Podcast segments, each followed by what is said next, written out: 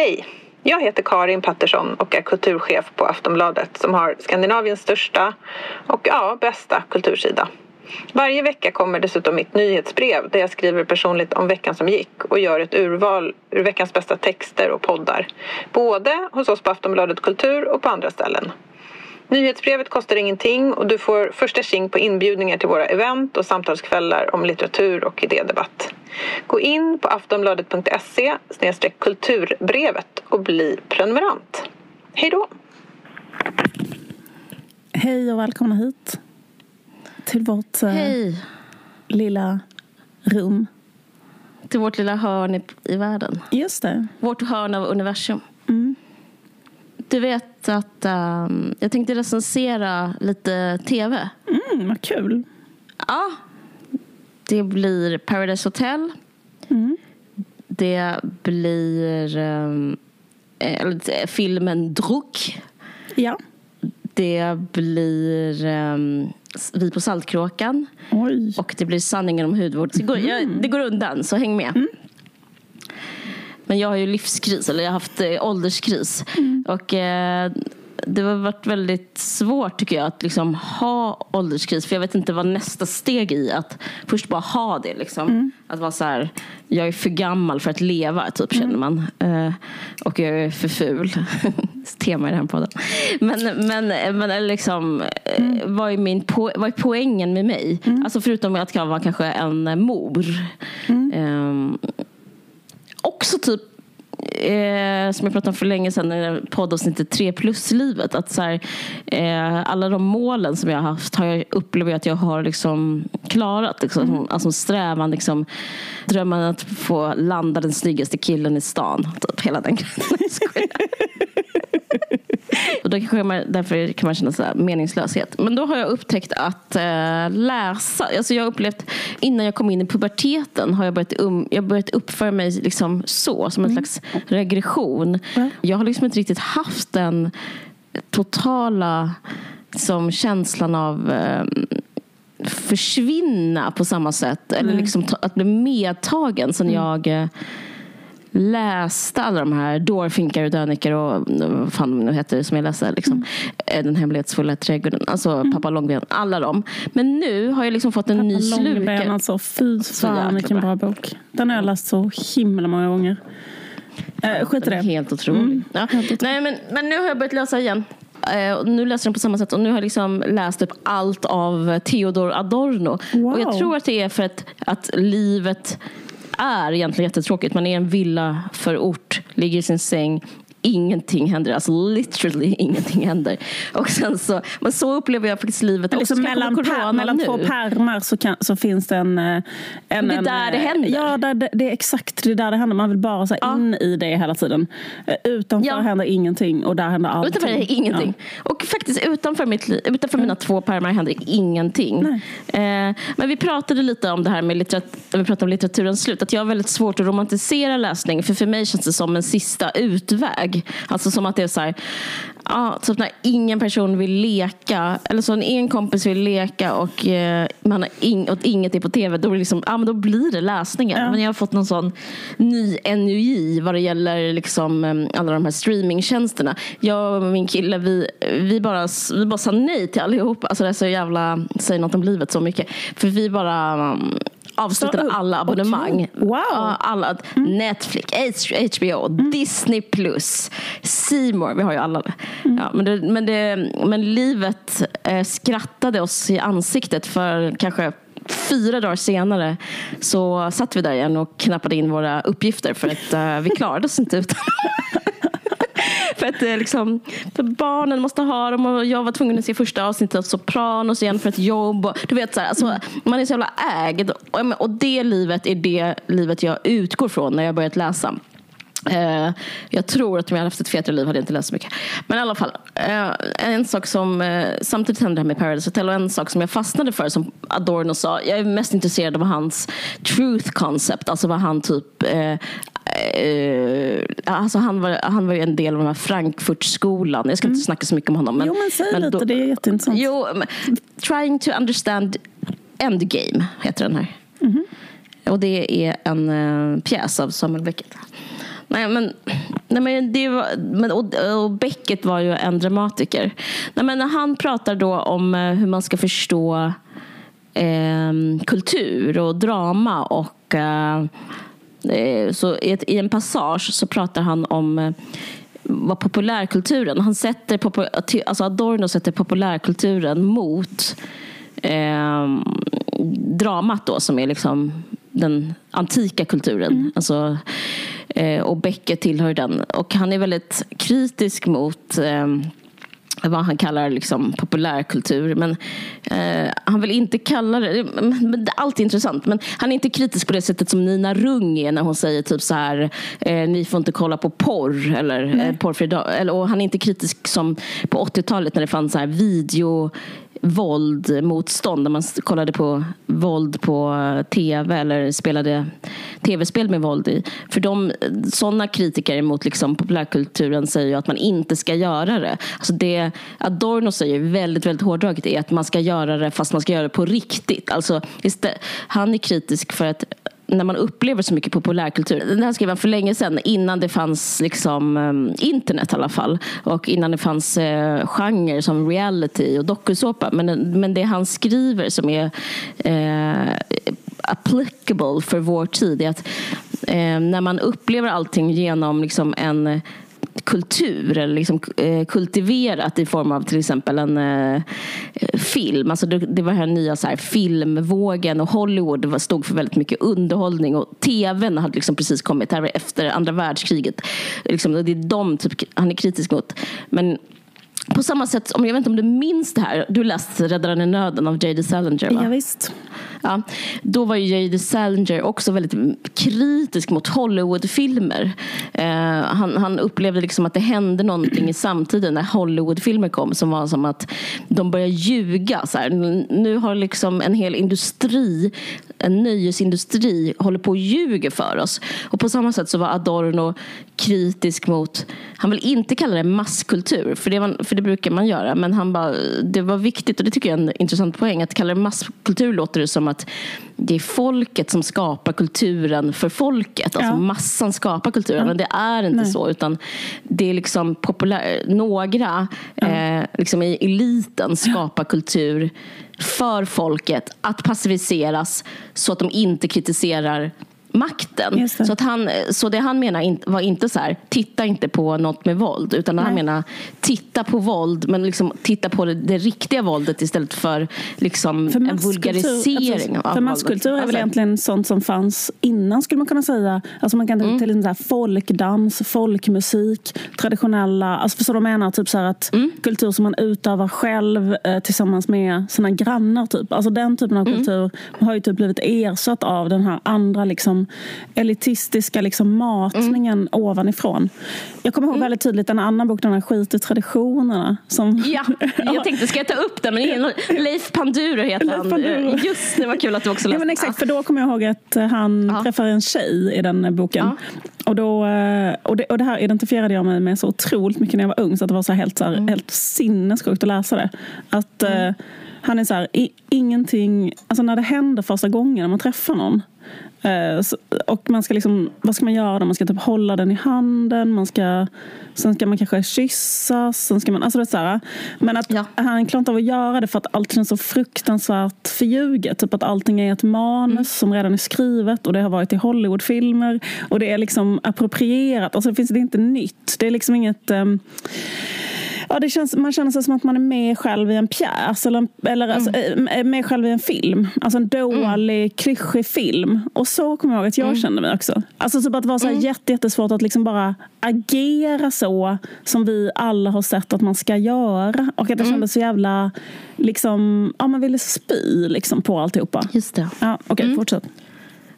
Uh, nej, men sammanfattningsvis mm. säger han liksom att populärkultur genom tv och film får oss att kritisera makten mindre. För att, men, uh, och det han pratar om väldigt mycket om är den där passiv, passiviteten. Liksom, mm. Att titta på någonting, att det gör oss till sämre människor. Och jag, tänkte, jag tyckte det var väldigt skönt att läsa det här för samtidigt som kom det uh, upp och ut att på Paradise Hotel så hade det skett en våldtäkt. Mm. Och och jag vill bara säga att jag är absolut ingen teknikmotståndare. För liksom, jag är internet och jag mm. jobbar med tv och film. Liksom. Mm. Eh, men jag håller med om att titta på skit gör oss till sämre människor.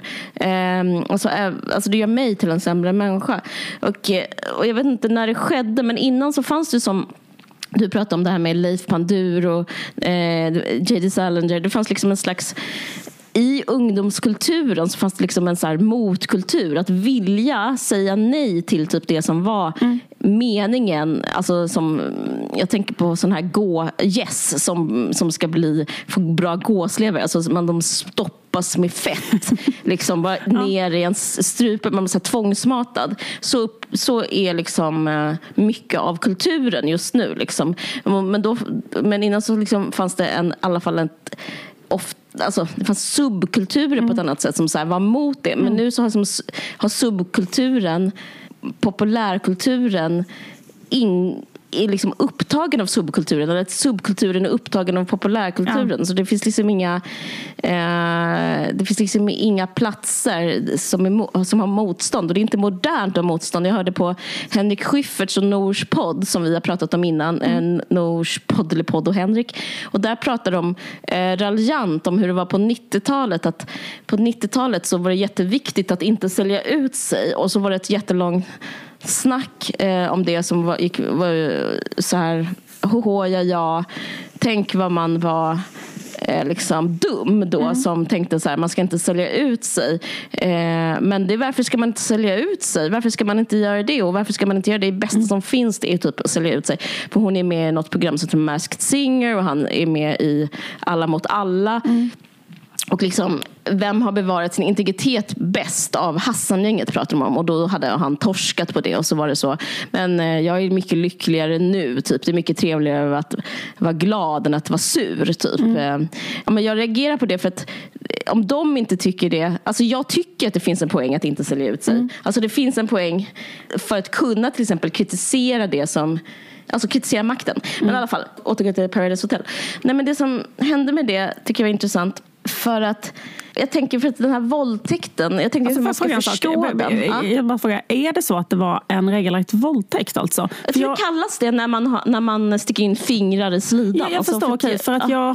jag hade bara läst, för jag tror att det har varit flera olika saker som har hänt mm. Att han eh, gjorde, stack in så här, händer i någon annans så här, kön mot mm. hennes vilja. Alltså, mm. Och jag tror det kallas våldtäkt. Ja, visst gör det. Ja, visst. Mm. Ja, eh, nej, men jag tycker det är intressant för att Eh, jag tänker på liksom eh, det, det, är klart att det, jag förkastar det och alla förkastar det. Men eh, jag, skulle, jag vill bara ändå, jag tycker det är intressant med de som tittar på det. Eller liksom vi som tittar på det. Att jag tycker man ska förstå det inte som en eh, som ett brott, det som hände alltså där och då. Utan Eh, det som hänt är att man har sett människor säsong efter säsong eh, på, en, på en skärm eh, liksom göra bort sig och ehm, gå ut över sin, sina personliga gränser. Och, och jag vet inte, jag bara tycker det intressant att se våldtäkten mer som en skala för vad Paradise Hotel är. Alltså, och liksom tänka lite på vad Paradise Hotel är. Att det är eh, amoraliskt liksom, i sin premiss. ja. alltså, alltså förstår vad jag menar? Ja. Men det har blivit... Det, i, vi, alltså det konstiga är inte att det händer, för det är liksom en del av den kulturen. Men det mm. konstiga är att vi har tittat hela mm, tiden. Mm, mm. Och eh, jag tycker det faller in i den liksom trenden som vi pratat lite om också. Att som den här godhetstrenden. Att, att det stämmer ju inte att människan är god. Alltså, men när det sånt här händer så måste man ta avstånd. Men ett bevis för att människan är liksom på massa sätt är att man liksom ändå tittat fram tills nu. Mm. Uh, jag läste också om uh, Marshall McLuhan, en medieteoretiker som skrev också innan om reality Eh, hans, hans kändaste grej är att han säger the media is the message. Och då menar han liksom inte att själva contentet är the message. Alltså, Eh, alltså det jag säger i podden just nu om Paradise Hotel, det är inte det som är poängen utan att vi har en podd berättar någonting om mina värderingar. Att jag sitter här med en podd och sänder ut med dig. Liksom. Och, eh, jag tycker det liksom faller in i den här självgoda godhetskulturen som vi skapar. Alltså att mediet, reality är liksom det tillåter en att säga så här fy när en våldtäkt sker. Mm. Eh, men grejen är att vi det här, jag försöker bara vara självkritisk mot mm. oss tittare. Vi har redan sanktionerat att det ska ske genom att eh, godkänna, att inte protestera mot liksom den, eh, alltså det dekadenta i det. Mm. Och jag förstår att man inte gör det också. För det är, liksom, det är så svårt. För det landar i så eh, tankar om censur och även så här frikonst. Och, allt det där. Men, men eh, man skulle kunna ha en moralisk diskussion om liksom, eh, tittaren. Man behöver inte ens ha det. det kan ju få finnas, men liksom, att titta på det. Eh, alltså om man lägger ansvaret hos, hos tittaren istället för programmet så här, kan man liksom, eh, prata om det. Men det finns inte de, eh, riktigt de idealen. Eh, för att det blir liksom att tittaren också en förövare på ett sätt. Alltså väl, inte alls liksom, som en våldtäktsman. Det är inte, alltså jag, är inte galen, jag säger inte det. Men liksom, det finns i alla fall ett ansvar. Och, eh, det fick mig att tänka på Susan Sontag som jag läste för jättelänge sedan. Jag såg en dokumentär med henne. Hur hon skriver om eh, fotografi. Liksom, mm. och, eh, jag minns inte riktigt men jag försökte googla upp det och jag hittade ett citat som jag skulle säga som jag började skratta när jag läste. Vi får se om, eh, om det är så roligt. Men jag läser här. To photograph people is to violate they, them by seeing them as they never seen them, themselves. By having knowledge of them that they can never have. It turns people into objects that can be symbolically uh, possessed, just as a camera is sublimation of the gun, to photograph someone is subli subliminal murder, a soft murder, appropriate to a sad, frightened time. Alltså, jag vet inte, alltså, jag skrattade för att det är liksom så här extremt. Men jag, det, det, finns ju någonting med... Ja, det, jag läste att... den boken i somras uh, om Nej, fotografi. Gjorde det? Och jag har med henne ja. jättemycket i min uh, bok som jag ska ge ut uh, nu till hösten. Uh, alltså jag höll på Jaha, då kan, och, alltså, jag, förstår jag, jag det rätt så kanske du kan liksom... Nej, nej, jag menar inte så. Jag bara menar att det, var, det är kul därför att jag läste den. Den är så otroligt bra och den är så himla liksom, aktuell. Ja. Alltså den, verkligen, den blir mer och mer aktuell. 76 ja, eller något sånt men liksom, den blir ju, nu är ju när den är den blir mer och mer aktuell för varje timme som går. Ja, precis. Ja, men fortsätt. Ja, nej men jag har bara ett till citat av henne som jag hittade därifrån, eh, från den boken som, het, som är så här. Needing to have reality confirmed and experience enhanced by photographs is an aesthetic consumerism. Eh, en estetisk konsumism to which everyone is addicted. Industrial societies turns their citizens into image junkies. It is the most irresistible form of mental pollution. Alltså, mm. jag vet inte. Nej, men det handlar, det liksom handlar om hur man konsumerar varandra. Mm. Och eh, jag tycker att det finns det största ansvaret ligger hos Nant Group, eh, produktionsbolaget Mastiff eh, och det största av allt eh, han som utförde det här brottet eh, och eh, offret är kvinnan som blev utförd. Men, det, mm, men jag tycker det, det finns någon slags eh, tonaliteten när vi pratar om det är att man liksom objektifierar dem fortfarande som är med i och vägrar se liksom att vi som kultur eh, skapar det här. Nästa. Mm. Filmen Druk. Har du sett den? Nej. Men jag har, den heter äh, En runda till på svenska och yep. Another round. Och den vann faktiskt eh, i natt vann den bästa Oscars. Jag hade ingen aning. Mm. Men mm, också Bästa film? Utländska bästa, film? Bästa, bästa utländska mm. film. Wow. Och det är så intressant för jag tänkte på det när jag såg den att om den skulle göra i Sverige skulle, skulle man liksom hela tiden alltså, leta efter liksom frågor som vad är ärendet? Vem är den utsatta gruppen? Vad är det politiska budskapet? De tre frågorna finns inget svar på. Den har inget ärende, det finns ingen utsatt grupp och det, den har inget politiskt budskap. Mm. Att det finns en sån svensk stark eh, filmtradition att inte bara eh, Berätta en liksom, historia. Våga, berätta en historia. Och jag tror att anledningen att, de, att Sverige aldrig vinner, för att Sverige vinner aldrig, alltså verkligen aldrig, är Alltså, de, inte för Ingemar Bergman, Ingemar Bergman har vunnit en gång tror jag. Men, men annars vinner, inte Sverige. Och det är för att, att ha liksom de här budskapen och de här liksom utsatta grupperna är det är, det är för att livet inte ser ut så. Alltså att man, har, man har, kategoriserar inte li, sitt, alltså det riktiga livet är liksom inte kategoriserat i moraliska scheman. Nej. Och därför kan man aldrig känna att de här filmerna är på riktigt. Alltså, livet är ju att man är trött på sin fru mm. och så tänker man att det är en bra idé att vara lite full hela tiden och så är det såklart en dålig idé. Så är druck, den handlar ja. bara om det. Ja, nästa recension. Mm. Saltkråkan. Mm. Har du sett Saltkråkan på sistone? Uh, nej, det var när jag var barn som jag såg sist. Mm. Mm. Ja, jag råkade så om den i julas med mina barn. Mm. För jag hade så varma minnen. Men eftersom jag är mammafeminist, har två flickor, mm. så var jag tvungen att stänga av och kolla för ögon och öron. För att det var mm, så pass mycket tjatsex på Malin, som då är 17 år. Eh, de var bara liksom... Eh, eh, det, det bara blue balls, alltså verkligen blue balls hela tiden. Eh, killen som Malin är ihop med tjurar så mycket för att inte han får knulla med henne. Va? Det är så Oj, sjukt. Det kommer inte jag ihåg. Mm. Nej, men det gör man inte. Man kommer mm. bara ihåg typ eh, Tjorvens glada leende. Mm. Underbar Tjorven. Men, men då är det liksom att och Malin är så, åh, men kan, vi kan inte vara här i Boden. Alltså, alltså, och sen så är det en annan parallellhistoria som jag eh, tycker är jättekul. Och det är för SD, om den, alltså, det är liksom verkligen dynamit, alltså kryptonit för SD. För att om man visar upp det här eh, svenska som vi har med liksom vad SD säger är det liksom mest eh, muslimska som finns så kommer det gå dåligt för SD i valet. Och det är ju att det är otroligt stark hederskultur.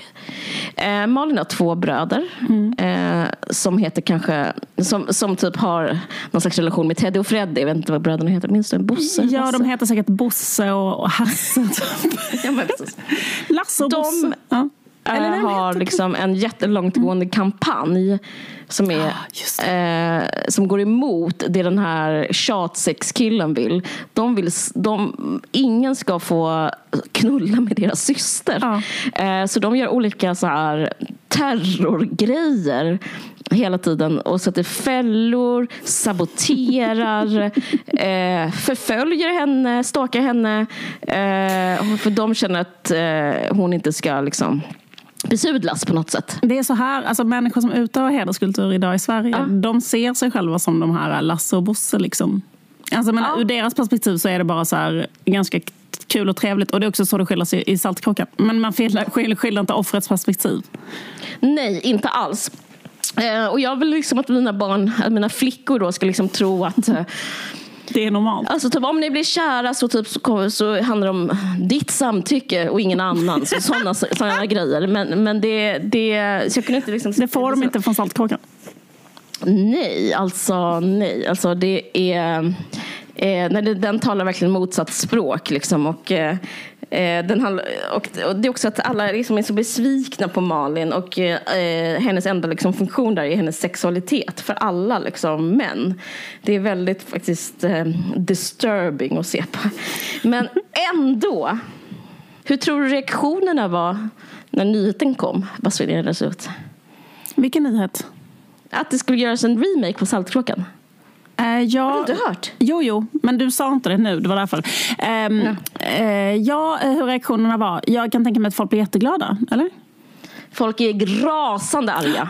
Jaha. Jag ska läsa upp några kommentarer på SVTs hemsida. Eh, det kommer krylla av nysvenskar i programmet. Nysvenska trots att det huvudsak är analfabeter. Kommer vara...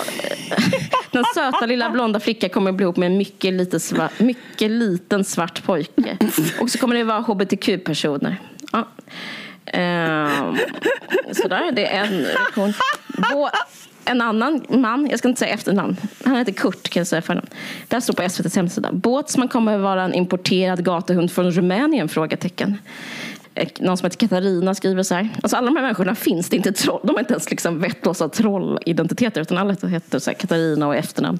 Eh, vad kan det vara nu som måste censureras bort och ändras på? Absolut ingenting i mina ögon. Men man har väl hittat någonting i vanlig ordning.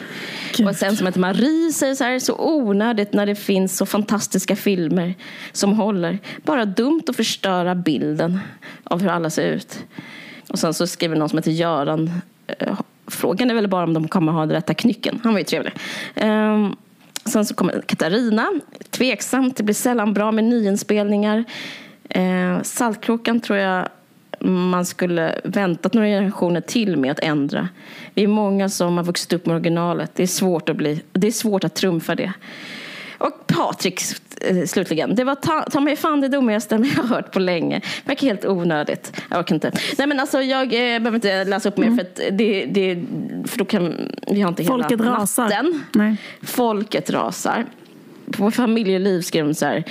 Båtsman har krympt i storlek i någon slags insmälld accessoarhund med dvärgbandmask som smittar ner hela öns rävbestånd. Ja, ni fattar. Modernt kommer det att bli. Frågan är bara vilka skepnader de andra karaktärerna kommer få. Alltså folk blir helt liksom eh, folk har blivit, eh, har fått psykos av det här mm, med Saltkråkan. Mm, mm. eh, men det, jag tycker det är så konstigt för det är så uppenbart att det behövs en förändring liksom, med det jag berättade. Alltså det kan ju inte vara det kan, inte, alltså, det kan man ju inte visa alltså, så som det är nu. Men kan man göra en nyinspelning där det är en invandrarfamilj som har hedersproblematik i familjen? Alltså bara ja, du spelar, liksom dras, stussar, Och ta samma manus typ. Och att det blir, ja precis. det ska vara väldigt kontroversiellt. Sluta med att de mördar, ja, kanske mördar Malin. Ja, Okej, okay, behöver inte mörda Malin, men du kan bara ha rakt av samma manus för då är det, får de sin hederskultur men de kan skylla på andra. Ja, jag vet inte. Men jag tycker det är intressant det här med, för jag tror, alltså jag vill inte pissa på folket som känner sådär. För jag, jag tänkte så här, eh, när jag stod i duschen på, så, vad fan är det som, varför är de så här? Alltså varför är de så rädda för det här? Alltså, vad är det, mm. och de, det man är rädd för är ju förändring, det måste mm. vara det.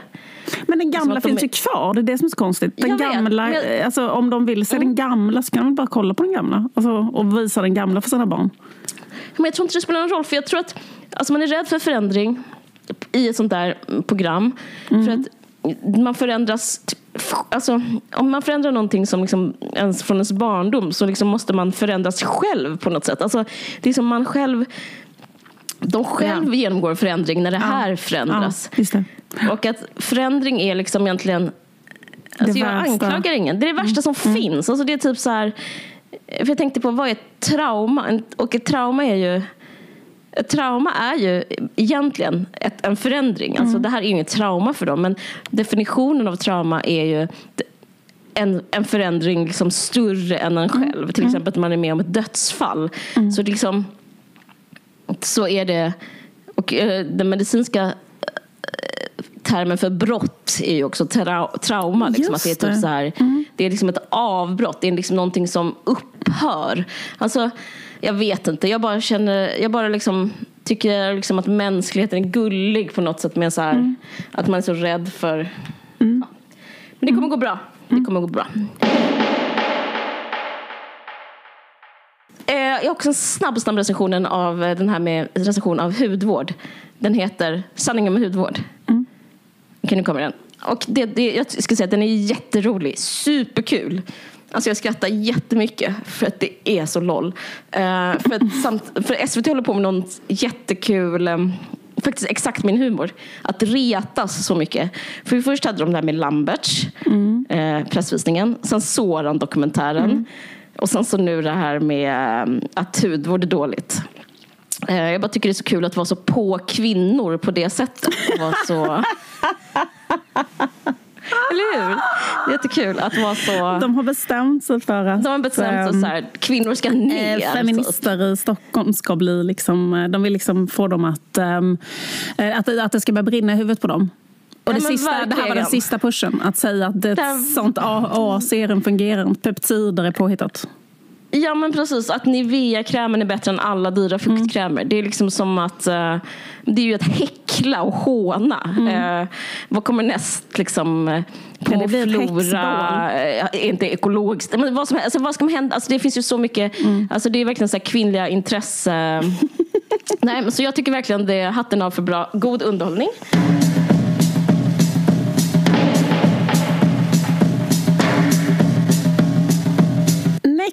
Nextory, Nextory, Nextory. Eh, vad gött det är att Nextory, eh, den gamla vännen till den här podden, fortsätter att stötta oss och göra det möjligt för oss att eh, göra den här podden. Nextory är en, eh, sajt, en app man kan ha i sin telefon där det finns ett mycket stort urval av ljudböcker och e-böcker. Det är, alltså om man ska säga vad Nextory är så är det ju att man har med sig ett bibliotek. Ja. Man har med sig böckerna vilka som helst. Alltså, Ja. vad den är liksom, och vart man än är. Så att, ja, det passar oss som hatar att bära. Eh, det, det är underbart. Verkligen. Men till exempel så här, bara, ja, men hur gör man coq au vin? Hur gör man det? Vad är det? Ja, då kanske man behöver liksom ett recept på liksom en fran, från en fransk kokbok men man har ingen fransk kokbok hemma. Och, ja, då liksom bara kollar man in Nextory och så står allting där så kommer det i mobilen och om man har ett konto på Nextory så är det bara liksom att eh, klicka sig dit och sen så klicka sig ur igen. Alltså det är väldigt behändigt. Inte bara som förstörelse om man vill läsa och lyssna utan liksom, ja, om man är intresserad av specialintresse som att laga mat. Eh, det finns en jättebra bok som, eh, som Sebastian Baudin har skrivit som, eh, på svenska då, som heter Sebastians franska kokbok. Och eh, där så återvänder Sebastian Baudin till hemlandet Frankrike för att ta med oss på en kulinarisk resa. Eh, så får man eh, också följa med liksom till hamnstaden Rochelle i sydvästra Frankrike. Och, och, liksom, och de recepten och matlagningen som tillhör det. Jättespännande för oss som älskar mat. Och jag menar, är eh, om ni lyssnade på Caroline pratade innan om Adorno. Då kan man ju bara kolla, till exempel nu letade jag på Mm. Nextory, vad finns av Adorno? Så finns det en bok av honom som till exempel heter Den nya högerradikalismen. Eh, vilket, Mm. Det har inte jag läst eh, nej, det låter väldigt... ehm, det, det här är en eh, föreläsning som han höll 1967. Men Mm. eh, som var mot bakgrund av det nynazistiska partiet NPDs framgångar. Ehm, Mhm. Och eh, då analyserar Adorno den nya högerradikalismen och dess mål, medel och strategier. Ehm, Och liksom... Ja, såklart så är det en föreläsning som aldrig förlorar aktualitet och så vidare. Utan... ehm, Överfett. Precis. Eh, Så det är några av alla de tusentals saker ni kan hitta på Nextory. Man betalar varje månad och då får man tillgång till det här enorma biblioteket. Man går in på www.nextory.se kampanj och eh, man anger koden VARG och då får man 30 dagar gratis! gratis. Härligt. Gör det. Och vi vill tacka Nextory för att ni gör det möjligt att, eh, för oss att göra den här podden. Så tack så hemskt mycket Nextory. Ja, tack Nextory. Okej, det var allt från TV-nytt. Tack så hemskt mycket för det. Varsågod. Um, vad intressant av att jag tänkte faktiskt uh, prata lite grann om det du sa, att, tra- att förändring är trauma. Eh, eh, eller liksom att eh, det är så otroligt jobbigt att förändra sig själv eller ändra uppfattning eller något sånt där. Eh, och, eh, nej men jag, för jag började tänka på det för att jag har läst eh, Ekis, Kajsa Ekes Ekmans bok som har kommit ut nu på Polaris som heter eh, Om könets existens. Eh, jag, ska inte ge någon eh, liksom alls eh, så fullständig eh, recap eller, eh, eller recension av den här debatten och sånt för den är väldigt liksom, eh, stor. Har det blivit lite av en, det har blivit en debatt ändå liksom. Precis. Alltså... ehm, eh, jag, jag, jag ska bara säga om boken så här, liksom att jag tycker att hon som skribent och debattör och tänkare så att hon är väldigt, att hon är väldigt bra. Liksom, alltid. Att hon skriver jättebra, att hon är väldigt så här, underhållande och sådär. Men i den här frågan så eh, tycker jag liksom att hon har helt liksom, grundläggande fel. Så att... ehm, eller hon greppar liksom inte riktigt. Eh, alltså jag tycker analysen är fel helt enkelt. Ehm, så, men det gör inte att, eh, att liksom så här, eh, boken är ändå väl, liksom, väldigt eh, liksom ett bra arbete om man säger så. Eh, Bra skriven och intressant och det kommer ju upp intressanta aspekter av allting och det är ju alltid intressant och bra att diskutera saker från olika aspekter och så. Mm. Det, som, det som är fel tycker jag är att liksom, alltså hon utgår från en eh, så här grundsyn som jag är väldigt eh, väl bevandrad i för att jag också blev feminist på 90-talet. Mm. Och då fanns det liksom en Eh, det, det, här kallas ibland för så här radikalfeminism men det, jag tycker det är lite fel eh, begrepp. För jag tror nästan det har ändrats, ja. de definitionerna. Eh, ja precis, precis, men att den är mycket bredare än så. Den här, det jag tänker beskriva nu är liksom vad jag skulle säga att all feminism nästan på 90-talet eh, tyckte det här. Alltså, och det är att om man ska förklara vad kön är så, finns det, så, så tyckte liksom den feministiska forskningen på den tiden och det är så här. Mm. Eh, kön är två, två delar. Ett är ett biologiskt kön. Och det är ju att eh, kvinnor har så XX-kromosomer. Mm. Män har XY. Så det finns liksom mm. eh, 30 procent tydligen i, vår, i våra kroppar som skiljer sig åt eh, biologiskt. Mm. Och sen så finns det en annan sak som de då kallar på 90-talet eh, som man kallar för genus. Och det är då den socialt konstruerade könsrollen. Just så det. Eh, liksom kön är då att eh, man har en livmoder. Och könsroll är då att till exempel gilla rosa. Just det. Så det finns de två sakerna. Och eh, det man menade liksom på 90-talet när den vågen av feminism kom var liksom att det fanns en poäng att dela upp det. För att innan mm. så pratade man väldigt mycket om bara kvinnor och män som två kategorier. Där, det liksom, eh, där de sakerna ansågs biologiskt givna. Där ansågs biologiskt givet att kvinnor skulle vara på olika sätt för att de hade en livmoder. Mm. Eh, och då menar man på, vilket var ett väldigt så bra och liksom radikalt grepp som gjorde att, man, att det var möjligt att mm, liksom propagera för polisförändring för kvinnor i princip. För annars kan man inte nästan propagera för polisförändring om man tänker sig att det finns en biologiskt sätt att vara bara för att man har en livmoder. I alla fall, jag ska bara berätta lite hur det var när ehm, när jag var i väldigt så radikala feministiska kretsar på 90-talet, då bodde jag i Stockholm under en period. Och då var jag väldigt så nyfrälst feminist. Så då umgicks jag väldigt mycket, eller var på så olika möten och möteslokaler och demonstrationer och sådär med den feministrörelsen. En väldigt, väldigt radikal feministrörelse som fanns då i, i Stockholm. Och då ska sägas också att då var liksom inte resten av samhället feministiskt alls. Det var inte, till, liksom det var inte mainstream, utan det var en väldigt apart sak att vara feminist fortfarande.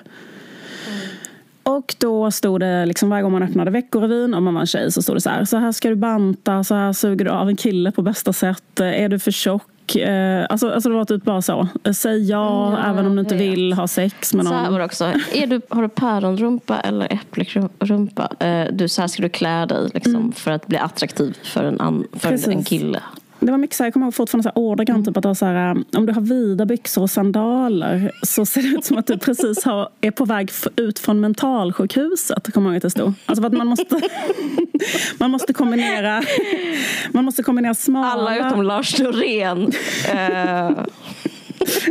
Man måste... Blev avskräckta. Det var väldigt mm. Eh, stigmatiserade psykisk ohälsa också. Nej, men det, var, det var mycket att det bara stod rakt av. Det var helt paj. det var, helt paj. Ja. Det var väldigt hård ton. Det var så här, du ser ut som ett jävla psykfall om du har såna här kläder. Och, alltså det, det var väldigt, eh, väldigt, väldigt, väldigt Jag kommer ihåg eh, om och om igen samma, samma formulering i Veckorevyn som var så här. Eh, inför den här rollen så stod Jennifer Aniston och tittade sig själv naken naken i spegeln varje dag och sa eh, är jag nöjd med det här? Och, sen, och det var så hon förändrade. Alltså, jag kommer ihåg det.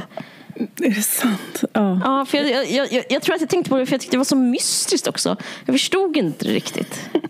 De hade också alltid Fröken Sverige-tävlingarna och då hade de alltid ehm, och det var så konstigt för den var ju, med, den var ju, det var ju typ uppfunnen av Ulf Adelsson. Det var ju så moderata gubbar som satt och hade så här klappan blond tjej på rumpan. Alltså det var ju den stämningen. Men så var det också den andra målgruppen var 13-14-åriga tjejer som skulle sitta och titta på så alla olika. Och så stod det, kommer jag ihåg, allas längd och vikt och bystmått och midjemått och stussmått och så. Så då kunde man själv titta och mäta så här, vilket man ju gjorde då. Om man var liksom lika, ja, om, om man var lika någon som Fröken Dalarna. Det var så vi växte upp. Det var vår, eh, men det, Adorno var också mot det. Nej, men alltså det, är ju ja. den här, det var det vi liksom tvångsmatades med. Mm. Det är väldigt, det fanns ju en stark poäng. Och, och, alltså, så liksom, ens resa var så här, man hade, sett, man hade suttit i en sån källare i ett elevrum och läst ätit en päronsplitt. Slängt den. Slängt den direkt när man läste. Man var liksom en källare med sån tingesbord och läste en sån artikel som handlar om liksom att man kan göra fel när man suger av någon och att det också kan vara fel att, inte, att säga nej. Alltså, det finns ju sådana konton nu eh, på Instagram där, mm. folk, där de lägger upp så här, det här stod i Frida och Veckorevyn mm. liksom 96 och sådär. Och då står det ju mm. väldigt mycket sådana saker. Det, alltså, där kan man verkligen se det, att det var verkligen så. Och det, det är liksom ingen eh, det är inget konstigt att det var så. Och sen fanns det mm. killtidningar och det var ju eh, slits då. Man hade så avklädda tjejer med silikonbröst och eh, där stod det bara så här, du är kingen, kolla vilken snygg hora typ. alltså det var för killar att läsa då. Ja. Eh, och eh, sen så eh, blev man ju då feminist av detta. Mm. för att det var liksom, brev på posten. Ja, det var, nej men alltså det var ju så himla sjukt så att det fanns ingen annan slutsats att dra än att den här kulturen är psykiskt sjuk och vi måste liksom göra revolution. Och ja. då äh, äh, kommer jag ihåg, så, så var det Stockholm helt överlycklig, hittat de här kretsarna då. Eh, och var liksom så jävla lycklig och upplyst av att få reda på hela, varje dag liksom, på olika möten hur fel allting var. Och då är liksom analysen väldigt mycket så här. Det här är den radikalfeministiska analysen som är så här, eh, män och kvinnor är två olika kategorier i samhället som är liksom ehm, där män överallt, på alla ställen, förtrycker den andra gruppen som är kvinnor. Så överallt, i alla olika sammanhang, på alla sätt förtrycker män, män hela tiden kvinnor som alltid är liksom underordnade. Så det är som två klasser istället för att det är så här Alltså som två kaster, typ. En A-kast och en B-kast, typ. Och mm. sättet som de förtrycker kvinnor på är liksom eh, väldigt mångskiftande. Och en är då våld mot kvinnor. En annan då som var väldigt, väldigt, väldigt populär just på 90-talet var uh, att man förtrycker kvinnor via uh, skönhets... Uh. Uh, och det var mycket för att Naomi Wolf hade kommit ut med en väldigt känd bok som heter Skönhetsmyten. Och i den boken, som jag faktiskt läste om nu, uh, så jag, mm, uh, den är jätteintressant för att den präglar jättemycket hur det var på den tiden. För det hon argumenterar för där, det är att Förr i tiden så förtryckte män kvinnor via lagar. Så här, de fick inte rösta, de fick inte göra det. Och ett annat sätt att förtrycka är via våld och via olika saker. Men nu för tiden så kan de inte förtrycka kvinnor på det sättet. Och då gör de det istället genom att kvinnor ska tvingas vara vackra. Så kvinnor, till skillnad från män, måste hela tiden vara banta. Så de är hela tiden undernärda, de är ätstörda. De måste hela tiden tänka på sin jävla kropp. De går runt svimfärdiga och, och liksom mm. ägnar 99 procent av sin tid åt ska jag äta den eller ska jag inte äta den. De måste sminka sig. Eh, för att om man inte gör de här sakerna så blir man en persona non grata. liksom, i, mm.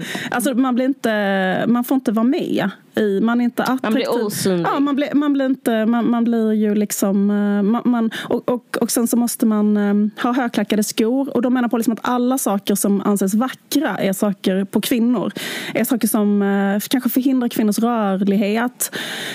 Eh, att man kan inte springa när man har högklackade skor. Man, kan inte, man, blir, man är jättelätt att putta omkull om man vill bli, våldta någon. Eh, och därför så, så är normen att kvinnor ska ha högklackade skor. Ehm, kvinnor ska ha, vara jättesmala och jättesmå. Och det är för att de ska typ vara lättare att dominera på olika sätt. Ehm, anledningen till att skönhetsmyt, skönhetsideal inte är så att en kvinna ska vara två meter lång och vara en bodybuildare är för att då kan inte de eh, typ våldta en lika lätt. Eller liksom, står de menar, de kan inte dominera en lika lätt. Liksom. Allting härrör från att de, eh, de tvingar kvinnor att vara på det här sättet för att kunna dominera oss. Liksom. Ja. Och eh, sättet att göra motstånd mot det är mycket riktigt då att eh, eh själv liksom eh, strunta i alla skönhetsnormer. Eh, man ska då vara idealet i den här radikala delen av feminismen var att ha rakat huvud till exempel. Man har gympaskor, man har gympakläder, alltså typ så här eh, bara skor så att man kan springa. Man kanske liksom absolut inte har något smink. Eh, och ehm, alla feminister liksom som var coola eller vad ska man säga, som hade fattat grejen såg ut så kvinnor mm. som inte såg ut så, som hade ett mer feminint uttryck. De var så söta ändå tyckte jag. Ja, exakt, så de var jätte, jättesöta ändå. Ja, jag hade rakat huvud en period och jag har aldrig fått så mycket ragg. Alltså det är sjukt, det är verkligen, det är rätt så snyggt. det är väldigt så här, och plus ja. att så här, killar älskar det, det är väldigt sjukt. Därför att jag kommer ihåg att alltså, det, jag blev så sexuellt trakasserad väldigt mycket när jag hade rakat huvud. Jag kommer ihåg att det var mycket sådana här frågor Eh, du kanske är rakad överallt, kunde kanske en gubbe säga bakom en äh, expedit i en affär. Alltså fattar du vad jag menar? Det fanns en sån ja, konstig ja, grej. Att, ja. Så tyvärr så hjälpte det inte. vad ska man säga mot att... Men vad jag skulle komma till var att kvinnor som hade kanske långt hår, eh, mycket smink, högklackade skor och korta kjolar sånt där på den tiden eh, ansågs som att de hade ett falskt medvetande. Liksom att de var hjärntvättade. Mm. Liksom, mm. och att det, inte var, det kunde inte komma från dem själva. Utan det var liksom att de var... Man, det, var inte att man, eh, det var inte att man tyckte att de var dumma eller dåliga på något sätt. Det var mer att man tyckte att det var rätt så tragiskt. För det var ett exempel på någon som hade blivit hjärntvättad av patriarkatet patriarkatet helt enkelt som såg ut så. Ja, men de var tors de som hade ja, torskat. De var offer för mm. eh, liksom, eh, de här grejerna att de trodde att de skulle se ut så för att få positiv uppmärksamhet och bekräftelse från män. Men den, men den, den lilla fördelen de fick var inte riktig jämställdhet. Utan det var bara att man kan bli liksom en populär slav, typ. Eller mm. som, liksom, eh, typ så. Men det var inte att vara fri som kvinna, att mm. se ut sådär. Mm och mot bakgrund av hur samhället ser ut så var det här väldigt uh, befriande budskap på många sätt. Att det finns en helt alternativ väg att gå där man pissar på allt, allt det där som man blir tillsagd i de här äckliga tidningarna mm, och sådär. Precis. Och det var väldigt uh, härligt, väldigt så här, uh, men, men man såg liksom och sen också jätteintresserad intresserad av att synliggöra våld mot kvinnor och träna feministiskt självförsvar och vara i separatistiska grupper. Liksom att man ska vara i grupper där det bara finns kvinnor såklart hela tiden. För då kan man dela mm. erfarenheter, då kan man träna feministiskt självförsvar och feministiskt självförsvar får absolut inte män komma in. Och de får inte se de här teknikerna och så, för det är något man ska lära sig och lära andra kvinnor och så. Och om det kommer in en man där så får han får inte vara där helt enkelt. Och får inte vara på de här basgrupperna, feministiska möten och sådär. Självklart, liksom, för att då kan man inte dela erfarenheter för att män är förtryckare. Mm. Och så. Och i den här miljön, så kom, och detta är då kan man säga någon slags radikal feminist hur det var på 90-talet. Och då kommer jag ihåg att jag eh, själv hörde liksom ett rykte om att eh, på något av de här mötena eller något ställe så hade det eh, velat komma in en transkvinna. Mm -hmm. eh, och jag liksom hörde bara detta i så tredje, fjärde, fjärde hand. Liksom. Men mm. för, för eh, oss då, utifrån den analysen då, så vad är liksom en transkvinna en liksom anomali? Alltså utifrån den här analysen, alltså utifrån den teorin. Mm. För då är det så här, det finns bara två saker, biologiskt kön och genus. Mm. Om det, och det finns det är som två kaster av män och kvinnor. Det är som att man är född till man då, då är man född in i den högsta kasten. Och allting mm. som är könsrollen såg vi bara som ett förtryck. Allting mm. som är, man förväntas vara som kvinna är bara ett patriarkalt förtrycksinstrument mot oss. Mm. Och om man då självmant så att säga, liksom det är som att någon säger jag tillhör den högsta kasten men jag eh, säger att jag tillhör den lägsta kasten. Och jag kommer, mm. vill komma in på ert möte och vara med i er befrielsekamp för jag vill också bli befriad. Och då var mm. ju den tanken bara så här, men det här eh, går inte ihop liksom. För att, eh, alltså förstår du vad jag menar? Vad gör du här? Mm. Du är redan befriad. Mm. Liksom, du tillhör mm. redan makten. Varför, varför ska du vara på det här mötet? Det känns ju helt absurt. Mm. Alltså det är en uh, anomali helt enkelt. Uh, ja. Och uh, det som är grejen då är att det som man gör då, det är att man har en teori om hur världen ser ut. Och sen så händer mm. någonting som inte passar in i teorin. Just det. Och man mm. förstår inte då. Varför händer detta? För att jag, har ju, jag vet ju hur världen är. Och nu händer mm, något det. som eh, inte fungerar efter de här reglerna. Och då är ju mm. liksom, har man ju två eh, vägval så att säga. Antingen kan man ju lyssna på vad den här personen säger då. Var, varför mm. är den här? Eller kan man ju säga att min teori går före verkligheten så att säga. Mm, just det. Um, det där är jätteintressant. Mm. Det där, förlåt att jag nämner det mm. igen, men det, det, är exakt det Adorno pratar om. Nej. Han säger, jo, men han säger att förnuft, liksom, ett, liksom, vår indelning i verkligheten, alltså människans sätt att se verkligheten eh, inte stämmer, stämmer överens med verkligheten när vi håller på med kategorier. Mm. Och, för att det, och man gör det, alltså anledningen till att ni gjorde det skulle han mm. säga är att ni orkar inte med den reella ångesten liksom, nyanserna innebär. Alltså typ, det är för svårt att så här, det finns en motstridighet. Ja. Alltså, det, det är ångestbefriande. Eh, liksom, det är liksom själv, han pratar om, att man, om self-prevention, alltså om det är självbevarelsedrift att liksom hitta på en verklighet istället för att, att uh, vara i verkligheten. För verkligheten är liksom för komplicerad. Mm. Så ni gjorde bara liksom det människan gör. Alltså ni hade bara kategoriseringar för att liksom klar, liksom klara er i livet eller må bättre i livet. Precis. Inte bara, men jag menar det stämmer in på hans teori. Ja, eller, eller det som är grejen är väl också så att, mm. att man om man har en teori som man identifierar mm. sig själv med väldigt mycket så blir den väldigt mm. förbunden med ens ego. Och att då, ja, då, man kommer längre från sanningen när man håller på så. Ja, men också att, den är liksom, att, att, det, att det är ens ego och det är ens egen ja. identitet. Att jag vet hur oh, världen ja. ligger till. Och om jag då ska ändra i min teori då ber du mig nästan att avskaffa Ändra mig själv.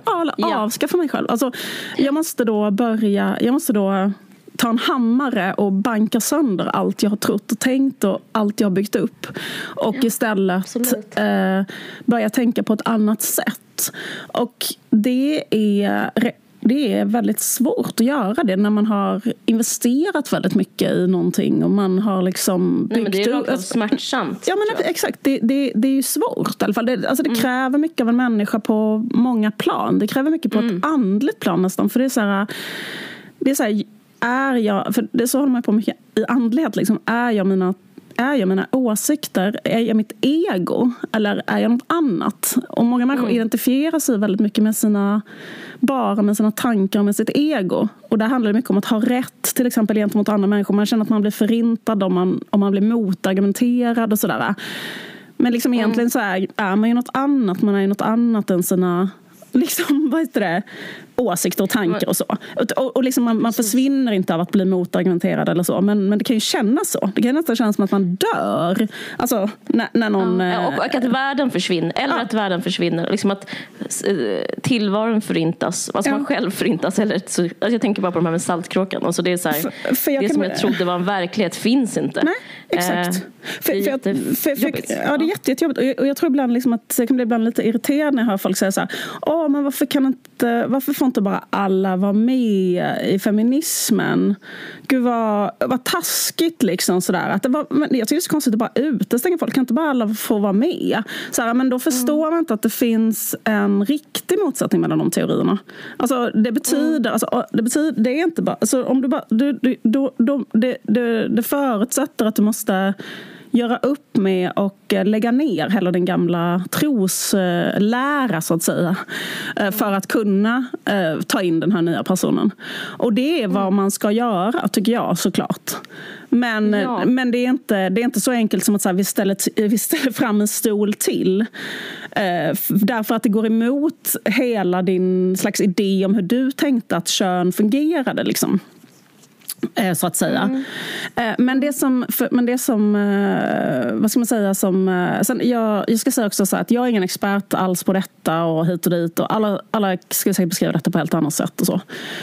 Jag, jag, Vilket? Alltså, alltså, allt det här som jag beskriver nu, att, du vet, att det, det är så många människor som är experter på detta och vet exakt hur allting är och hur mm, alla ja, ja, ja. Men den liksom aspekten som, eh, av vad kön är som liksom vandrade in där när den här liksom transkvinnan vandrar in i den här kvinnoseparatistiska radikalfeministiska gruppen då, blir ju, mm. är då liksom att den personen eller liksom att vad man menar på är då att Eh, eller vad, man, vad, vad, vad det är ett uttryck för så att säga, är liksom att det, det är inte så enkelt att kön bara är eh, ett biologiskt kön är de här kromosomerna med olika namn. Och det är inte bara eh, en socialt konstruerad roll utan det finns något annat som är då en identitet, alltså en könsidentitet som är att jag själv har en uppfattning om vem jag är. Mm. Och den, måste jag säga, var liksom okänd. Eller liksom någonting som jag tror ingen riktigt hade pratat om innan. Och det beror nog på att det är, inte, det är inte så relevant när man bara ska prata om så här äh, maktskillnader i samhället. Så här, det är inte så relevant i den analysen att prata om liksom, hur uppfattar jag mig själv. Eller, alltså förstår du vad jag menar? Mm. Eh, och en annan sak är väl att när man är en cis-person så är det inte något som man någonsin behöver fundera över. För det bara, det bara är ju så. Nej, att precis. Eh, man har... Men det, eller det som är, är ju att in, inom vit kvinnlig feminism så har inte det varit ett problem. Det är därför man inte pratat om det. Alltså, det har inte varit som en problembeskrivning. Nej, precis. Därför att man har liksom inte eh, varit med om själv eh, att eh, man har liksom haft en identitet en könsidentitet som mm. är, har diffat med ens kropp helt enkelt. Precis. biologiska. Ja. Så att den personen som uh, kliver in där på det radikalfeministiska mötet uh, som är, uh, är egen identitet liksom vet själv att den är en kvinna. Mm. Men den kan ju ändå vara mot, så att säga, eh, könsroller i samhället, eh, kvinnoideal, alltså massa sådana saker. Som de ju själva Verkligen. förtryckta av såklart. Liksom. Och vilja ändra dem tillsammans med andra kvinnor. Liksom. Så är det ju jättemycket ja, inom transrörelsen. Men, ja men exakt, precis. Men det fattar mm. ju inte de utifrån, eller liksom, utifrån den andra analysen så går inte det ihop så att säga. Nej. För att man, och, det, och då när jag läste Ekes bok nu så utgår hon fortfarande liksom från att eh, kön är de här två delarna. Så hon utgår fortfarande från att den här tredje delen, eh, könsidentitet, är fortfarande inte med liksom, i hennes analys av vad kön är. Nej. Så att um, hon, uh, och det upplever jag, för jag måste säga att uh, även som cis-kvinna så mm. liksom um, saknade jag uh, delen könsidentitet när jag själv var aktiv i de här um, mm. rörelsen. Liksom. Därför att det finns Verkligen. ju någonting som är en känsla av och det här är ju väldigt så här, det, det, finns ju inte heller någon sånt eh, slutgiltigt dokument som har en gång för alla slagit fast den här liksom mystiska, extremt så svårfångade liksom saken som är så här, vad är ett kön? Så här, symboliskt, kulturellt, socialt, för en själv, för andra, mm. när det gäller sex, när det gäller, alltså, liksom i mm. kosmos. Mm. I, alltså, fattar du menar? Mm. Vad fan är det för någonting? Det vet vi liksom inte fortfarande. Men en sak är att det är inte så enkelt Nej. Som att det är en, en påhittad sak av män som tvingar mig att vara här. För att Um,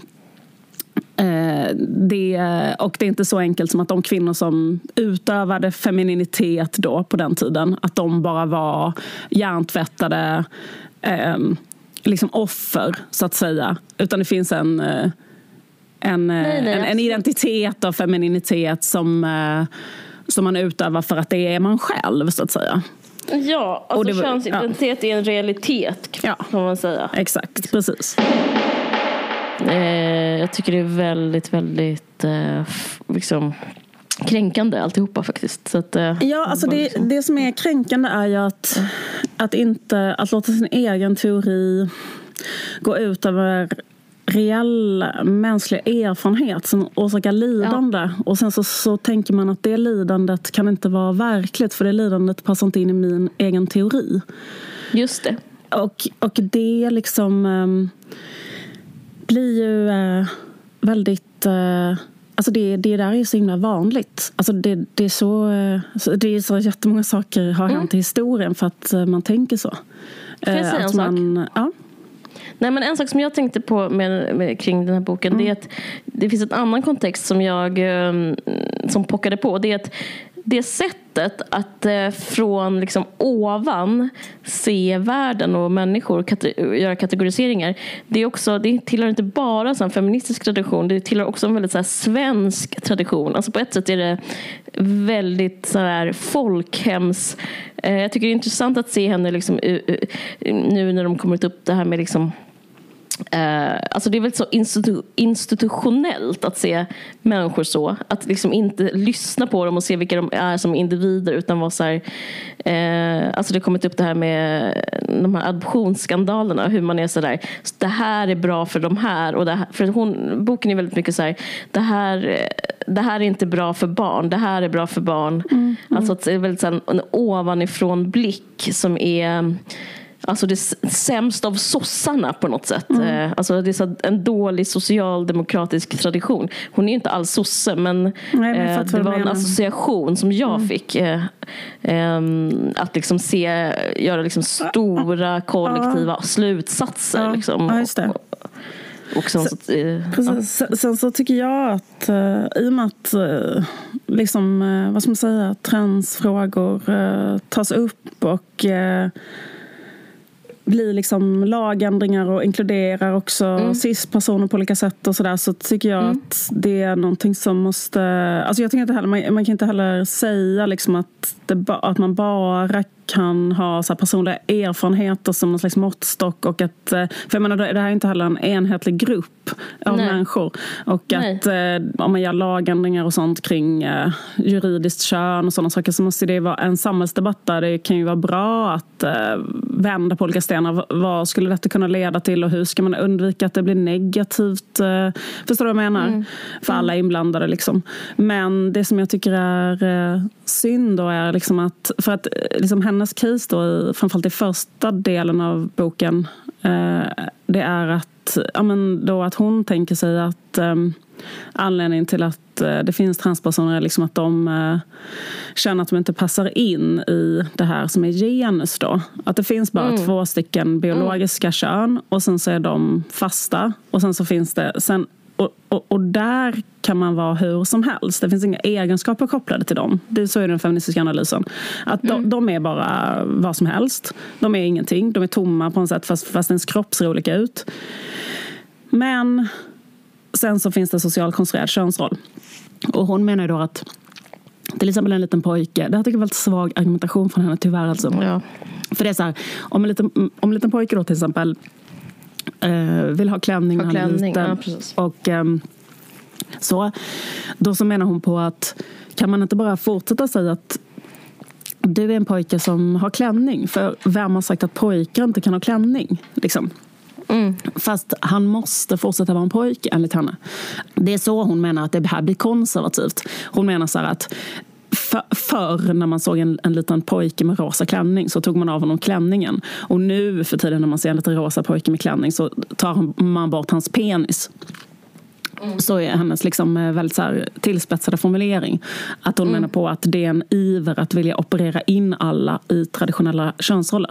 Men det är mm. ju verkligen att um, blunda för, alltså skita i alltså, alla de här människornas då egna berättelser och erfarenhet som är just med könsidentitet. Att jag är eh, en, en, kvinna. Eh, det hon säger till dem det är att som att någon skulle säga till mig nu, Liv, du är en man och eh, du kan vara exakt som du är, du kan ha exakt på dig samma kläder, du kan göra allting du gör nu. Men dina barn måste kalla dig pappa. Du kan vara med i en sån pappagrupp kanske i, i, i skolan så får du vara med som klasspappa. Eh, du, vi måste kalla dig Sven-Göran. När du byter om så måste du vara, byta om bland män. Men annars kan du vara, annars kan du ha klänning och smink och du kan liksom du har så mycket smink du vill. Du kan vara feminist, du kan ha silikonbröst, alltså jag kan operera mig så att jag ser ut som en kvinna. Men jag måste hela tiden vara eh, kategoriserad som man ändå. Fast för mig så skulle det kännas ändå väldigt konstigt i och med att jag är en kvinna. Alltså min könsidentitet är ju det.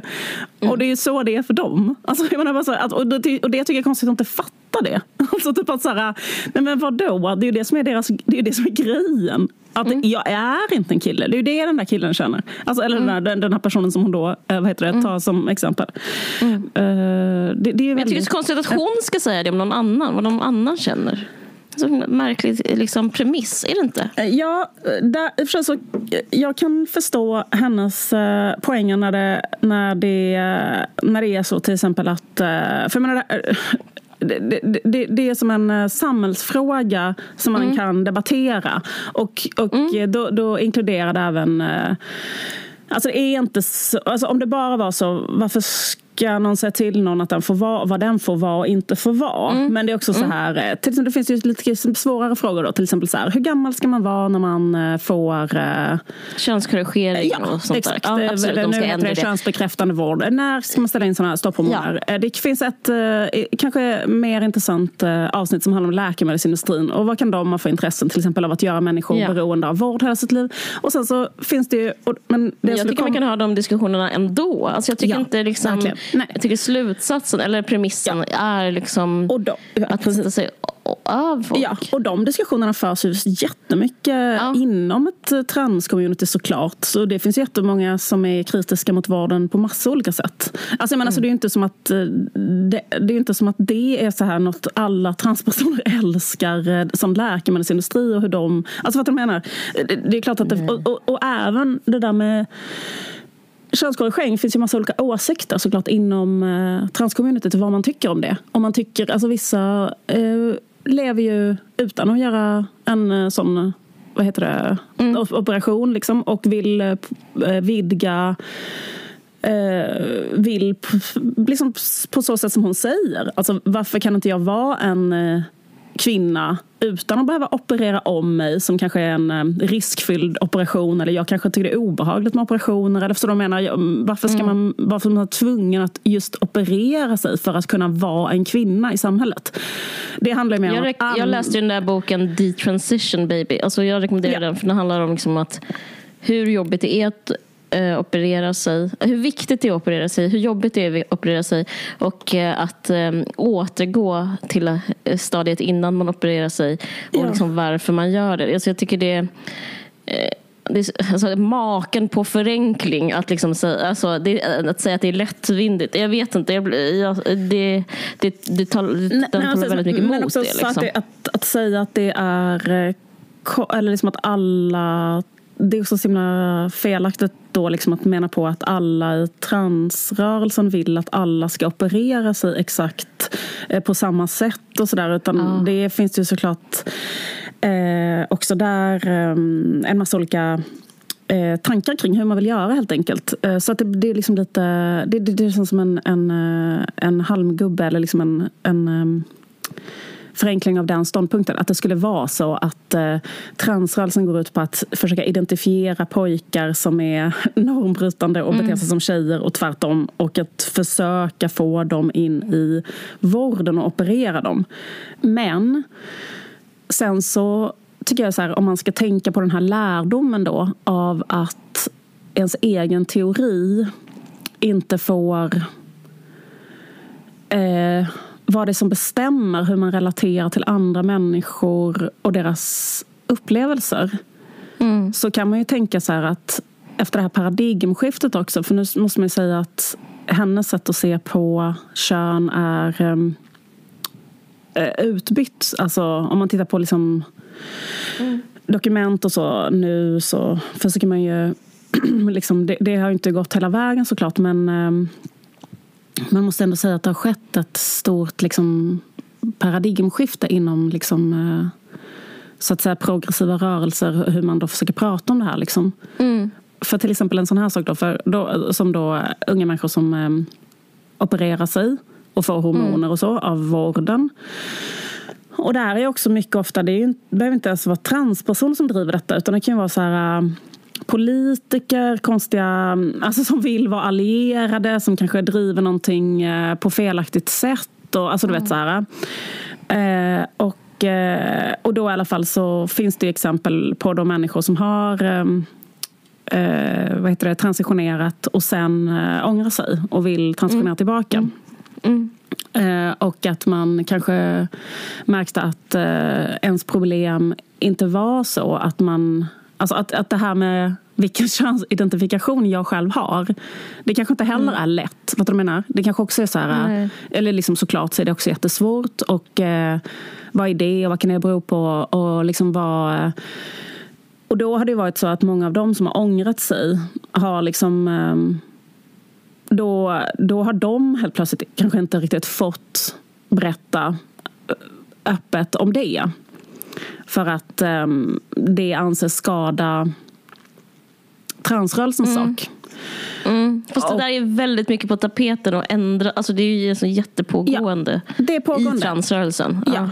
Men det måste säga att det är ett exempel på samma sak. Alltså att ens egen mm. teori, mm. ens egen verklighetsuppfattning får gå före liksom att det är klart att det, det är väldigt hotfullt för ens egen rörelse. Precis som det var hotfullt för mm. den här 90-talsfeminismen att, att det kommer in någon och är kvinna fast han är biologisk man. Alltså hur kan man förklara det? Det går inte att förklara utifrån min teori. Och det blir väldigt mm, hotfullt precis. mot mig och min teori. På samma sätt så blir mm. det väldigt hotfullt mot mig och min teori om det är så att jag har det är solklart för alla människor vilken identitet man har. Det existerar inte att man eh, känner att man vill byta och sen ångra sig. Eller det. För liksom, om det skulle vara en, vad heter det, en utbredd grej så skulle mm. det såklart hota ens egen, vad ska man säga, ens egna politiska landvinningar. Och så. Därför känner mm. man sig rädd för att det ska vara så. Vilket är förståeligt. Men ja. det, det är också fel. Alltså därför att de Absolut. här människornas lidande är, är liksom eh, lika viktigt. Liksom. Verkligen. Därför men, att men verkligheten är inte mm. så enkel. Liksom att, som ens egen teori. Och det, är liksom, det var egentligen det som var bara det enda jag tänkte på när jag läste det här. Just att det är så här... Um, det är bara ja, den, nej, den där det, grejen att, ja, att, att, att, eh, att, typ, eh, för att ens ego är så stort och ens uppbyggnaden kring ens egna teorier. Och här är, så är jag också. Jag är exakt likadan. Alltså, vad jag menar, jag, alltså, så här, man är ju så likadan själv. Mm. Att man, eh, det är sjukt mänskligt att vara så. Mm, men, men det är liksom typ för att komma till next level som, som människa Mm. Och, eh, så måste man försöka liksom, eh, låta sitt ego tagga ner lite och tänka att eh, jag visste inte allt. Jag vet inte. Alltså, du vet, den grejen. Det kan vara så att allt jag har tänkt hittills har varit fel. Liksom. Mm. Och eh, du kan förändra mig med din berättelse. Alltså, det är det som är det är det som är svårt, men det är det som är liksom viktigt, vägen framåt. Verkligen, verkligen. Men eh, det moderna sättet nu är ju att se även detransition som en del av liksom, att istället för att ställa det utanför transrörelsen så är liksom det också Alltså förstår du vad jag menar? Det är också ett sätt att så här, det är också att vara trans. Att mm. detransition ja, är också ja. ett sätt att liksom, eh, att få bli omfamnad av en rörelse. Så att den, liksom, den konservativa sättet inom transrörelsen är ju liksom att, eh, som du säger, så här, förkasta och liksom, eh, utesluta då, de människorna. Ja. Men liksom, om man är modern så är, liksom, ser ja. man det som en, eh, bara som en variant ja. av en transition. Ja, typ, Vilken transition gjorde du? Typ. Så Precis. det, det känns ju väldigt underbart. att För det, det måste vara fruktansvärt jobbigt att vara stigmatiserad så mycket. Liksom. Alltså, Verkligen. Uh, men precis som du säger, det har kommit jättemycket sånt. Alltså jag menar, vad ska man säga?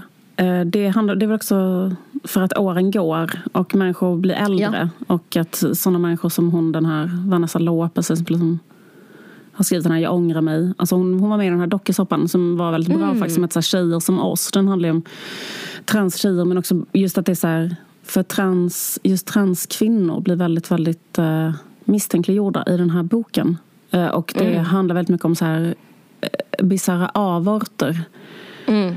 Uh, där um, Uh, Menar du i Ekes bok? Ja, eller? exakt. Där typ så mm. förbrytare har, har sagt, mm. ändrat juridiskt kön för att kunna komma in kanske på kvinnofängelser och göra sexuella mm. övergrepp. Alltså sådana slags uh, Jag läste det. historier. Uh, ja. Men de, det som är poängen är väl liksom att tjejer, det är helt vanliga tjejer som oss. Alltså det är därför, som, alltså, så, det är därför det var en bra basic, titel på det. Men det är så här, tjejer som, som oss. En, nej, men en helt vanlig tjej som bara vill, vara, ja. bara vill leva och typ, alltså, vad, vad som helst.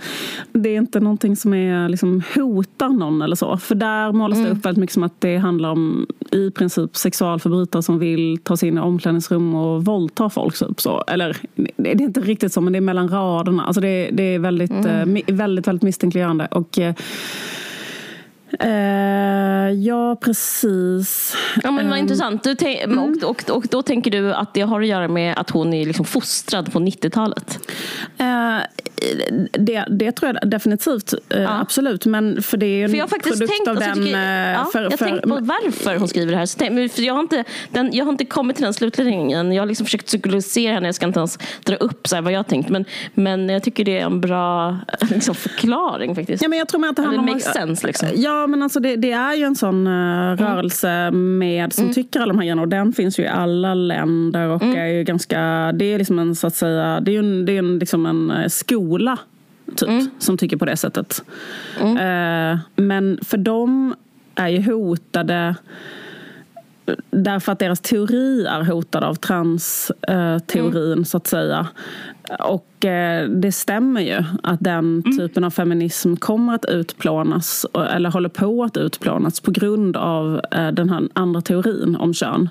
För den, den, den, den teorin som de har, som är det här med att det finns kvinnor och män och män är en högsta kast och kvinnor är en, alltid en eh, kast som är eh, ja, ja, under och, det, mm. och, det, och att all kvinnlighet är socialt konstruerad och påtvingad kvinnor av män. Den eh, håller, därför att en, en, eh, en transkvinna till exempel är en vandrande anomali då i, i, ja, i den teorin. Så därför, så därför så kommer de att utplånas. För det är det hon skriver på slutet. Så det är liksom någon slags sorgebok också. Den slutar med så här Eh, det kommer sluta med att man ringer och någon säger hallå och så finns det ingen där på andra sidan. Men liksom att den här typen av feminism är eh, på, på väg att utplånas. Liksom. Och det stämmer ju också.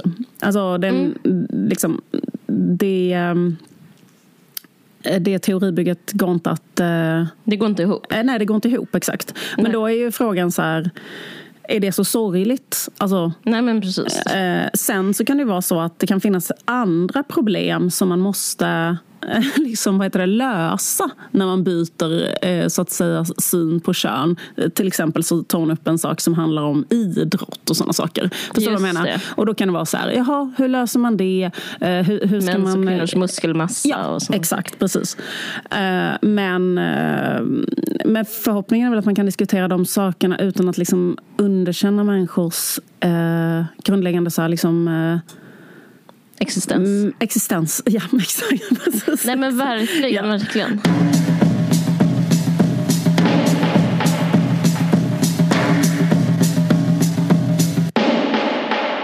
Samtidigt som den här boken har kommit ut så har hon liksom accelererat i, faktiskt hon har varit väldigt, jag tycker hon är otroligt intelligent och ja. liksom välfunnen ofta.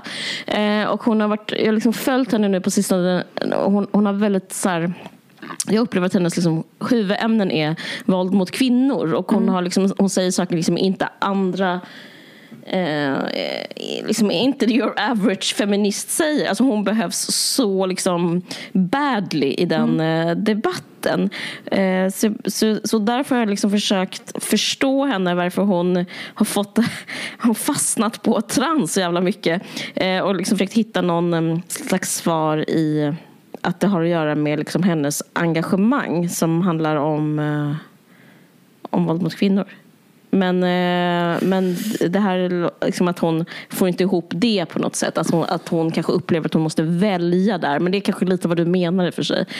Eh, hon sa någon väldigt bra grej med eh, du vet den här Bianca Kronlöf mm. Eh, postade efter mm. Soran Ismail. Den blev liksom mm. jätteviral och Bianca mm. eh, mottogs mm. Med så stående ovationer typ. Mm. Eh, och sen så, hade, så svarade Soran på Instagram att jag har läst öppna brevet till mig och jag tycker det är både viktigt och välskrivet. Och jag har kontaktat Bianca och nu ska vi fika. Ja. När vi hittar en tid. Som kommer inte hitta en tid. så fort tillfälle ges. Ja. Jag ser fram emot det. Men då tyckte jag var så, och då liksom, alltså menar så här. Det var okay, inte det vi ville att ni skulle fika. Hela, jo men hela Sverige tyckte det var jättefint. Ni tyckte de det? Aha, okay. Ja, men då skriver Eke så här, och det här tog jag en skärmdump av, för jag tycker det var så skönt att någon sa det, för alla så, ah, fan vad grymt. Då. Så säger hon så här, nej, så här ska sexualbrott inte hanteras. Att en misstänkt ska fika med feminister och berätta sin version. Nej. Bianca och Kronlöf kontaktar helst offren innan du fattar ett beslut om att fika med honom. Eh. Nej, men hon är jätte jätte, jätte, smart och en otroligt Jättebra, bra jättes- retoriker och skribent. Och jag tycker också det var väldigt bra, eller hon säger väldigt bra saker, eh, ja, men just när det gäller de där. För, det- för att eh, jag inkluderar mig själv i detta, att det finns så himla många feminister, till exempel jag och sådär, som är så här eh, man är, så lite, man, man är lite flummig, man drar in ditt och datt. Och man sitter så. Jo, Men hon, hon är väldigt så otroligt, eftersom hon är så logisk och eh, väldigt eh, otroligt... eh, ja, hon kan hålla tydlig, isär liksom. saker. Exakt. För då, då sa hon sådär eh, om till exempel, eh, nej men just när man pratar om sexualbrott, att hon säger så här Eh, nej men liksom det är så konstigt att man pratar om det att det är en feministisk fråga överhuvudtaget. Att det handlar om kvinnor. Så det är ett brott. Så vi pratar om, en, vi pratar om ett brott som inte är, alltså vad heter det, har en åt, fått en åtgärd. Helt enkelt. Så det är bara en sån, det är bara liksom, vi behöver inte ens diskutera så kvinnor eller män eller någonting. Det är bara så här, vi, vi pratar om Ja, men det är brottslig, som, en eh, brottslig handling som inte är tillräckligt. eh, Och, och, det- och, och, och, eh, och sådana saker som, är, som jag tycker är otroligt skönt att någon bara säger, pekar väldigt starkt med, med he- hela handen. Och jag tycker hon har gjort ett otroligt arbete så här i surrogatmödradebatten och, helt, och, och sådär. Så att, och jag tycker hon skriver jätteofta jätte, jättebra krönikor och så. Så att jag tycker liksom att hon är en så här, och, så, och, och jag tycker att så här, om man kan smälta det här på något sätt, eller om man kan, och det fattar jag är jättetufft. Jag fattar att man inte orkar det om man så här, känner att man måste läsa hela den här boken handlar om att man själv inte existerar och, och är liksom bara någon men alltså jag, jag tycker som det är ju bättre att man eh, liksom debatterar dem och liksom pratar om dem än att man liksom bara har någon slags eh, väldigt, väldigt, väldigt, väldigt, väldigt uppskruvad aggressivitet mot varandra. För Mm, kanske. Alltså jag, jag, inte, jag vet inte om jag håller med faktiskt.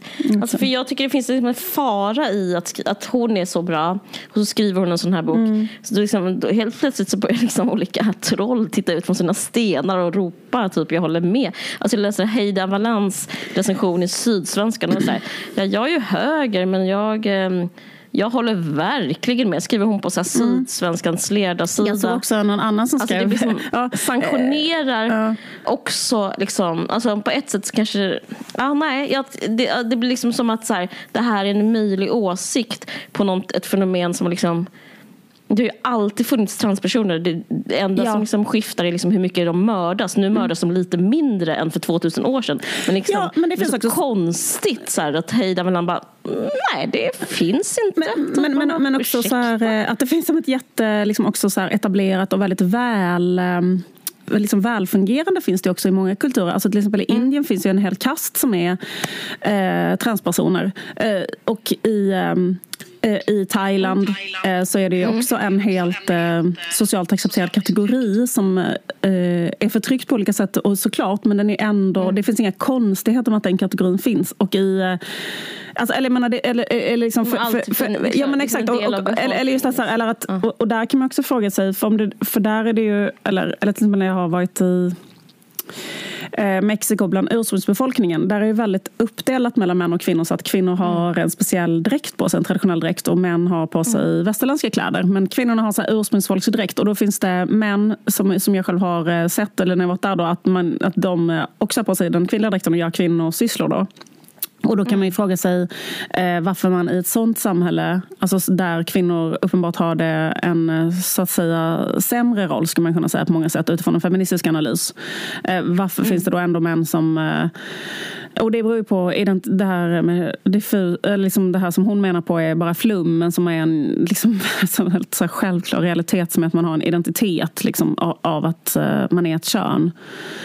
Eh, Ja. Och den saken är liksom, blir väldigt stor brist att, att inte bara helt enkelt haja det. För hon tar Ja, upp men- eh, andra sådana eh, transgender-saker i andra länder som hon menar som inte är egentligen exempel på att vara trans, som är till exempel att i Afghanistan så är det ganska vanligt att klä ut små flickor till små pojkar bara för att om man inte har så många söner, för flickor får liksom inte göra saker och vara ute och så. Och då är det ganska vanligt att man typ så här har en, har man fem flickor så kanske två stycken får vara pojkar typ, för att annars kan ingen så här vara ute och jobba. Och, alltså, så här. Men det är en helt annan sak. Det är ju för att könsrollen är för snäv. Och så tror hon att alla transpersoner är. Liksom att det är för att man har för snävt könsroll i samhället. Mm. Men jag tror absolut inte det. Eller man är, ja. Nej, fast däremot är det en, intressant diskussion att prata om könsroller. Alltså det, kan, det... Ja, men det är en intressant diskussion. Typ så här, mm. att har det blivit mer så att um, men sen måste jag liksom. säga att mm. uh, jag håller fan inte med om det. För jag tycker att det finns så himla mycket nu för tiden Eh, alltså liksom att det är inte så, tycker jag, inom eh, trans-communityt eller så. Att, att det är så här, eh, eh, är du trans så måste du operera dig så här och se ut så här. Och så. Det finns väl jättemånga människor eh, som eh, har könsuttryck som är väldigt, väldigt eh, olika. Liksom. Mm. För henne ska jag säga att det är konservativt, men eh, det känns ju verkligen inte som det är. Nej.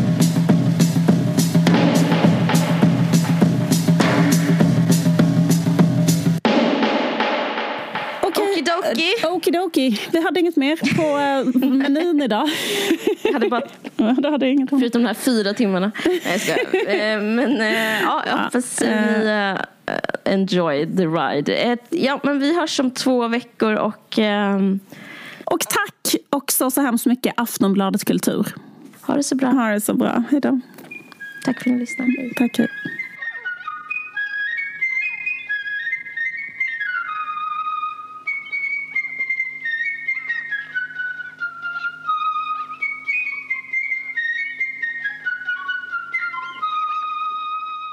Du har lyssnat på en podcast från Aftonbladet. Ansvarig utgivare är Lena K Samuelsson.